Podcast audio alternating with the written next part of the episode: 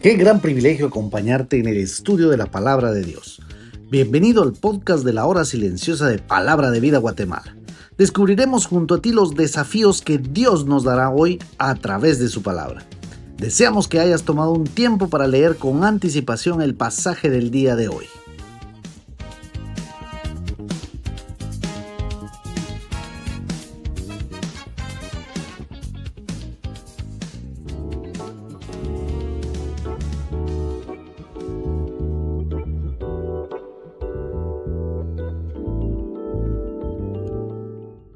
Para nosotros es un gusto saludarlos nuevamente en el comentario de la hora silenciosa de Palabra de Vida. Hoy continuamos en Primera de Juan y ahora estamos en el capítulo 4 en sus primeros seis versículos.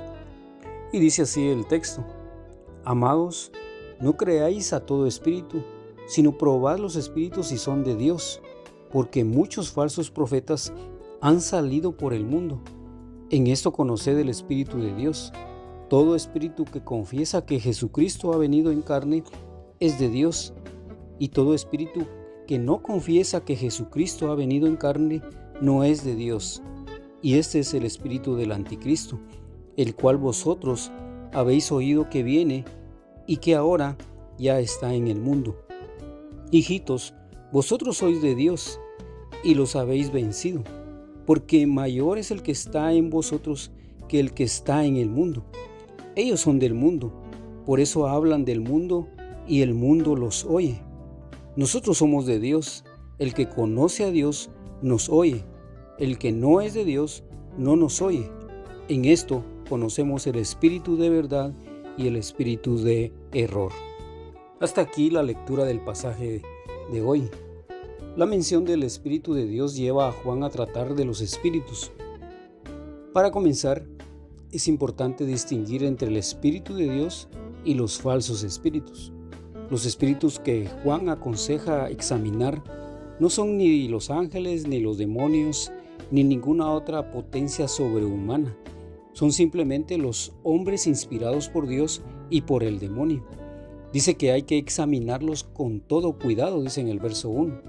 Está hablando, como es obvio, de los falsos maestros que ha mencionado en el capítulo 2 y también de quienes sabemos por palabras del mismo escritor de la epístola que eran agnósticos.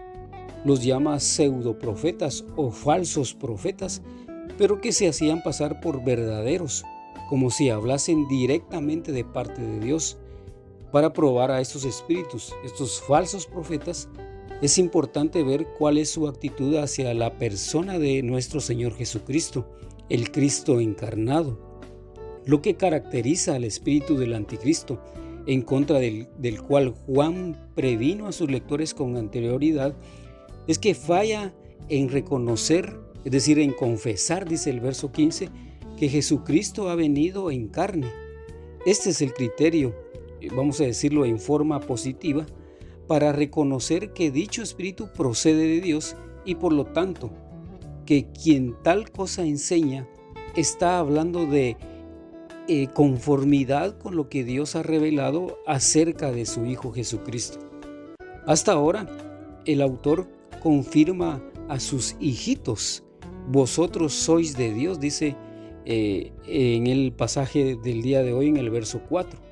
Sus lectores que habían vencido a estos anticristos, estos falsos profetas, por medio del que está en ellos, sin duda es una referencia al Espíritu como lo vemos en el verso 2. La confianza en Dios es el secreto de toda victoria, victoria sobre una herejía o sobre cualquier otra trampa tendida por el maligno, el que está en ellos, el Espíritu que mora en cada creyente y que por supuesto es el que está en vosotros, dice el verso 4. Es mayor en poder que el que está en el mundo, que es Satanás. A este se le llama el príncipe de este mundo en Juan 12:31. El Dios de este siglo, dice en 2 Corintios 4:4. Y el príncipe de la potestad del aire, dice en Efesios 2:2. Los anticristos son del mundo y hablan desde la perspectiva del mundo. Por eso el mundo los oye. Siempre ha sido así. la manera de pensar inspirada por Satanás atrae de manera especial a la mente mundana. Pero el pueblo de Dios oye a los apóstoles, observa las palabras con las que eh, inician los versículos 4, 5 y 6. Vosotros, ellos y nosotros, dicen eh, el inicio de estos versículos, y tienen un tono enfático en el texto eh, y en forma evidente señalan tres grupos. Primero, a los lectores, nosotros, a los anticristos, es decir, los falsos, y a los apóstoles.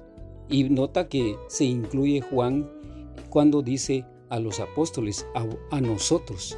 Cada persona catalogada como una persona que proviene de Dios, impulsada e influenciada por Dios, conoce a Dios y oye la enseñanza de los apóstoles.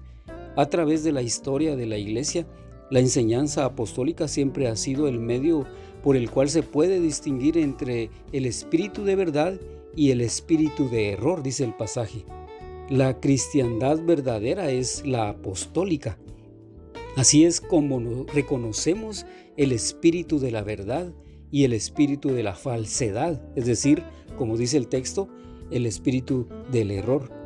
Aunque el Señor Jesucristo aplicó al Espíritu Santo el título de, Espíritu de la Verdad, como dice en Juan 14, 17, más adelante el propio Juan dice que el Espíritu es la verdad en el capítulo 5 y verso 6 de Primera de Juan.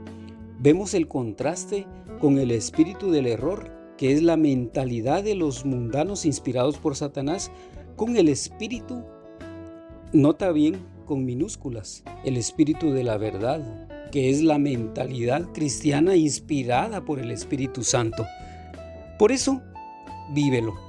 El Espíritu cuya presencia es la prueba de que Cristo mora en nosotros se manifiesta objetivamente en nuestra vida y conducta.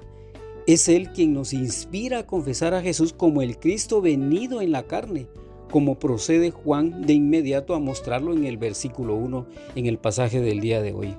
Es también Él quien nos capacita para vivir rectamente y amar a los hermanos en todo momento. Mi nombre es Carlos Bog. Esperamos como siempre que la palabra de Dios cumpla sus propósitos en tu vida. Bendiciones.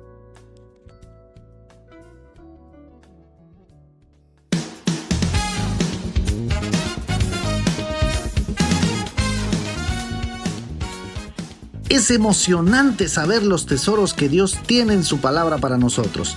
Ayuda a tus amigos a que descubran la voluntad de Dios para su vida. Comparte este podcast con ellos. No olvides seguirnos en nuestras redes sociales.